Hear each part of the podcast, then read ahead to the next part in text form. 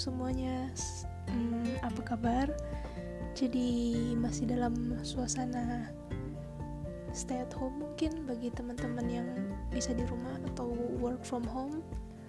Ya pokoknya masih dalam suasana yang cukup tidak menyenangkan mungkin bagi kebanyakan orang. Ya karena kita tetap tidak bisa melakukan aktivitas kita sebagaimana mestinya. Um, gara-gara COVID-19 ini ya gara-gara corona. Jadi ya yang bisa di rumah tetap di rumah yang harus kerja ya tetap jaga kesehatan.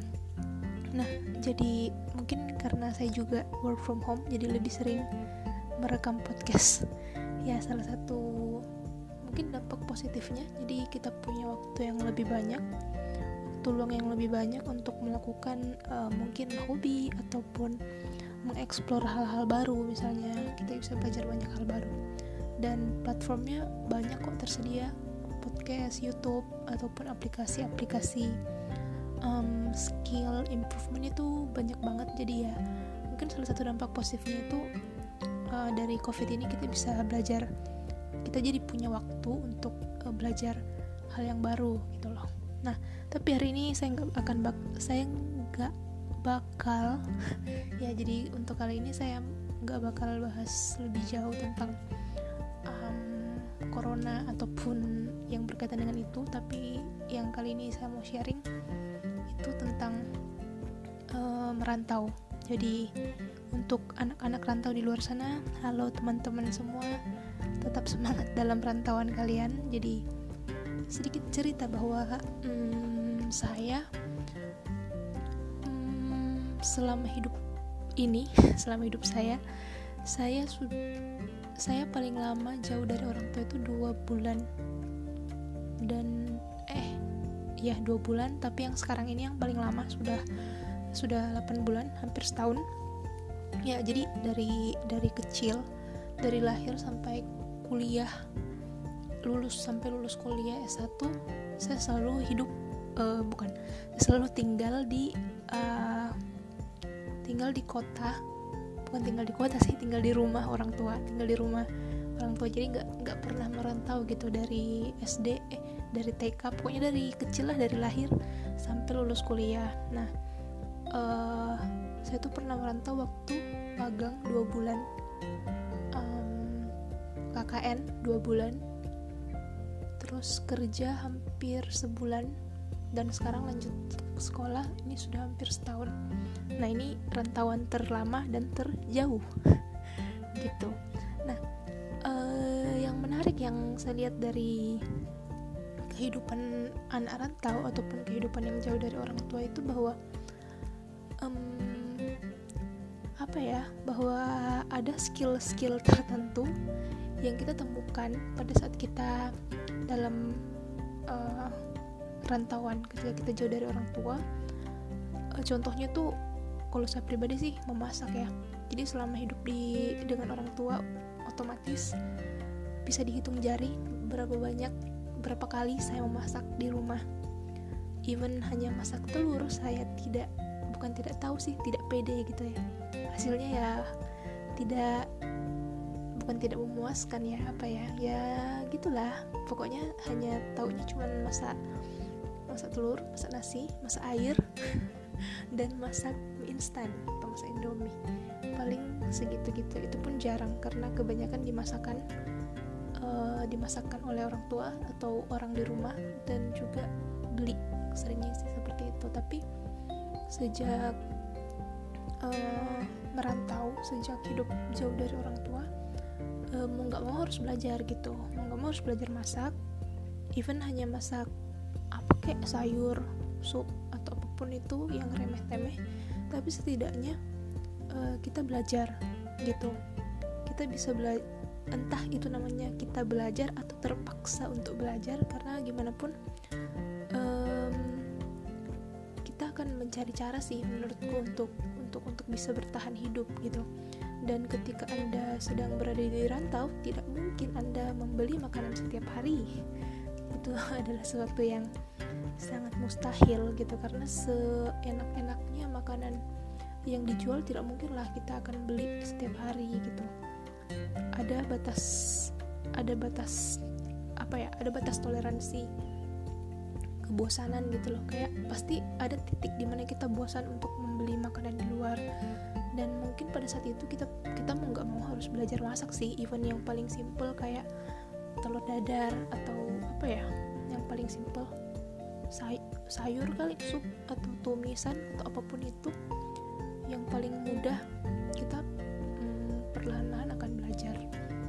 Nah uh, dari sini bahwa yang saya pahami hmm, bukan sih yang saya pelajari adalah bahwa uh, mungkin dulu saya gak pernah kepikiran gitu bahwa mungkin sekarang saya bisa masak apa gitu masak mie goreng bukan mie instan ya maksudnya mie goreng dari mie sayur apa segala atau masak apa ya tumis sayur saya yang tidak pernah sama sekali saya lakukan di rumah. Tidak pernah. Dan ketika di sini sekarang jadi mulai belajar masak gitu. Nah uh, yang saya pelajari bahwa ternyata uh, apa ya yang pertama kehidupan rantau tidak sesulit itu. Maksudnya ya sulit mungkin tapi uh, kita bisa kok melewati bukan melewati kita bisa kok menjalaninya dan ternyata kita uh, amazed juga gitu. Ternyata oh ada skill-skill yang bisa kita asah ada pelajaran yang bisa kita ambil ada skill yang bisa kita pelajari lagi yang bisa kita explore. Nah uh, ketika dikaitkan dengan kehidupan sehari-hari mungkin kita mungkin sering jadi anak rantau yang dulu sebelum kita merantau bahwa kita melihat bahwa kita tuh nggak bisa ngapa-ngapain gitu. Dan mungkin banyak yang takut kayak waduh gimana ya nanti kalau hidup jauh orang tua kayak gimana ya rasanya caranya bisa nggak ya kayak gitu. Nah ternyata setelah kita lewati untuk semua rantau di luar sana mungkin kalian juga merasakan bahwa ternyata setelah dijalani ya bisa-bisa aja gitu ya kayak we'll find the way untuk bertahan entah itu apalah mungkin kayak dulu mungkin contoh lain misalnya kayak dulu waktu hidup dengan orang tua kita kayak misalnya ke mana-mana diantar tapi ketika kita sudah merantau ya mau nggak mau kita entah itu uh, naik kendaraan umum which is yang tidak pernah kita lakukan sebelumnya tapi ketika kita merantau ya mau nggak mau kita mau naik apa lagi gitu misalnya oh jadi jadi tahu naik bus jadi tahu naik angkot misalnya atau jadi tahu naik uh, apa tuh Transjakarta misalnya kalau Jakarta. Uh, atau dari yang diantar-antar jadinya kita belajar bawa kendaraan sendiri entah bawa motor entah bawa mobil. Jadi kayak ada ada hal baru yang kita apa ya yang kita dapat gitulah. Ada hal baru yang kita dapat yang mungkin sebelum kita berangkat sebelum kita merantau itu kita tidak pernah terpikirkan gitu kayak oh dulu tuh nggak pernah kepikiran kalau bisa bawa kendaraan sendiri misalnya atau nggak pernah kepikiran tuh bisa naik angkot sendirian gitu misalnya.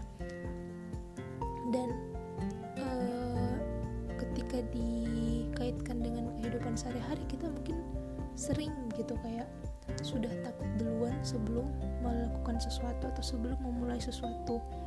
Jadi kayak kekhawatiran itu lebih besar dan melampaui uh, apa ya melampaui kenyataan gitu loh. Jadi kayak ke ketakutan kita tuh sudah duluan daripada semangat kita ataupun dari daripada ke, ke, uh, kenyataan yang akan terjadi. Contohnya misalnya misalnya kita mau melakukan sesuatu tapi udah takut gagal jadi takutnya itu udah duluan padahal lakukan pun padahal mau mulai pun itu belum gitu. Jadi kayak menurut saya tuh kadang-kadang jadi apa ya jadi hambatan jadi hambatan juga sih untuk kita kayak uh, belum sebelum berperang ibaratnya sebelum berperang tuh kita udah udah kalah gitu padahal bertarung aja belum gitu tapi udah kalah padahal sebenarnya sama seperti kehidupan rantau ini kayak uh, kita nggak tahu kalau kita belum menjalani itu. Jadi kayak you never you never know apa yang terjadi di depan sana. Jadi uh, apa ya mestinya sih lebih ke, mungkin ketakutan pasti ada atau kekhawatiran pasti ada. Kenapa kekhawatiran pasti ada? Karena semua kemungkinan bisa terjadi gitu. Tapi uh, ketika kita sudah berada di fase itu ketika kita sudah memasuki tahap itu uh, menurut saya sih we will find the way kayak otak kita tuh akan mikir otomatis jadi berpikir dan badan kita tuh otomatis akan bekerja untuk bertahan gitu.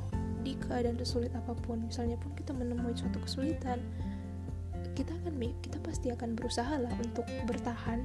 Akan otak kita tuh pasti berpikir ketika kita tertekan ketika kita misalnya terhimpit oleh suatu kondisi yang sulit uh, otak kita otomatis akan bekerja sih. Menurutku seperti itu. Jadi kayak ya kasarnya sih nggak mungkin mati sia-sia gitu.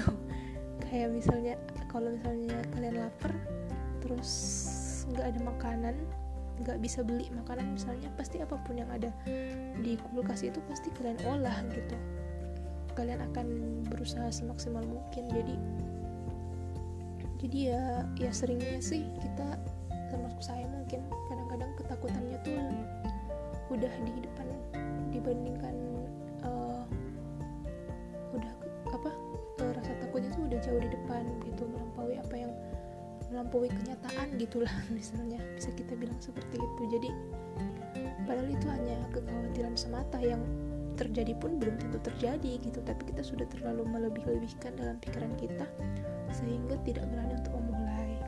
Nah jadi untuk jadi kurang lebih seperti itu yang bisa saya pelajari selama ini. Mungkin teman-teman yang yang udah merantau dari misalnya SMP atau udah merantau dari SMA kuliah akan lebih lebih punya banyak pengalaman sih akan punya pengalaman lebih banyak. Dan menurut saya sih kayak hidup hidup merantau itu lebih kita akan punya apa ya kita akan punya modal untuk nanti di masa depan entah itu kita bekerja di jauh dari orang tua kita sudah perlu. Artinya kita sudah tidak khawatir lagi gitu. Dan tentu skill-skill kita kemampuan-kemampuan kita tuh menjadi lebih kaya dibandingkan misalnya orang yang tidak pernah merantau. Tapi berarti yang tidak merantau itu salah ya? Tidak juga begitu. Karena uh, banyak cara untuk mengembangkan skill dan kemampuan selama kita mau dan tentu caranya banyak sekali gitu. Cuman dengan hidup merantau kita kayak secara terpaksa harus gitu loh. Kayak mau nggak mau dicemplungin gitu. Jadi ya uh, secara ter secara terpaksa dalam tanda kutip kita uh, mengasah mengeksplor banyak hal di luar uh, diri kita yang mungkin kita nggak kepikiran sebelumnya. Nah gitu sih mungkin. Jadi nggak usah bagi yang teman-teman yang mungkin berencana untuk merantau ya nggak usah takut juga lah. Kayak aduh gimana nih nanti hidup di sini? Jauh dari orang tua gini gini gini. Uh, prinsip saya selama saya masih punya mulut selama saya masih punya mulut dan pikiran uh, semua akan baik-baik saja. Kenapa? Karena kita bisa bertanya kita bisa berkomunikasi dengan orang. Uh, dan bantuan itu akan selalu ada sih menurutku. Kayak di, di masa sulit bagaimanapun entah orang lain yang membantu kita atau kita yang membantu diri kita sendiri. Jadi nggak banyak sih untuk untuk kali ini. Paling gitu aja. Buat teman-teman yang masih dirantau semangat kalian adalah pejuang-pejuang yang hebat. Dan ketika kalian dan ketika pulang pulang ke rumah nanti pulang kampung atau ke mana pun itu nanti tentunya bukan sekarang ya nanti um, apa ya hasilnya akan kelihatan kok kayak rindunya akan terbalaskan dan tidak ada yang sia-sia lah intinya. Dan untuk untuk di kehidupan sehari-hari juga jangan kalah dengan asumsi ya jangan kalah dengan asumsi-asumsi kita. Jangan kalah dengan kekhawatiran kekhawatiran kekhawatiran kita. Jangan kalah dengan ketakutan ketakutan yang sudah kita bangun di dalam pikiran kita padahal uh, belum tentu terjadi gitu. Jadi ya kalau memang punya keinginan melakukan sesuatu tentu yang dalam um, konteks yang positif ya ya silahkan maju dan perjuangkan karena kesulitan pasti ada tapi kalau kita memang uh, berniat untuk melakukan itu kita pasti mendapatkan cara untuk melewatinya. Jadi jangan kalah sama jangan kalah sama ketakutan yang ada di pikiran kita gitu. Ya percaya aja lah bahwa kita pasti bisa gitu. Ya mungkin itu saja dulu untuk episode ini ini sudah nggak terasa ini sudah episode ke 10 berarti sudah 10 kali saya berbicara sendiri seperti ini. Tapi ya ini adalah latihan juga untuk saya. Semoga bermanfaat untuk teman-teman semua yang mendengarkan. Terima kasih sudah mau mendengarkan podcast ini. Um, I expect nothing from this.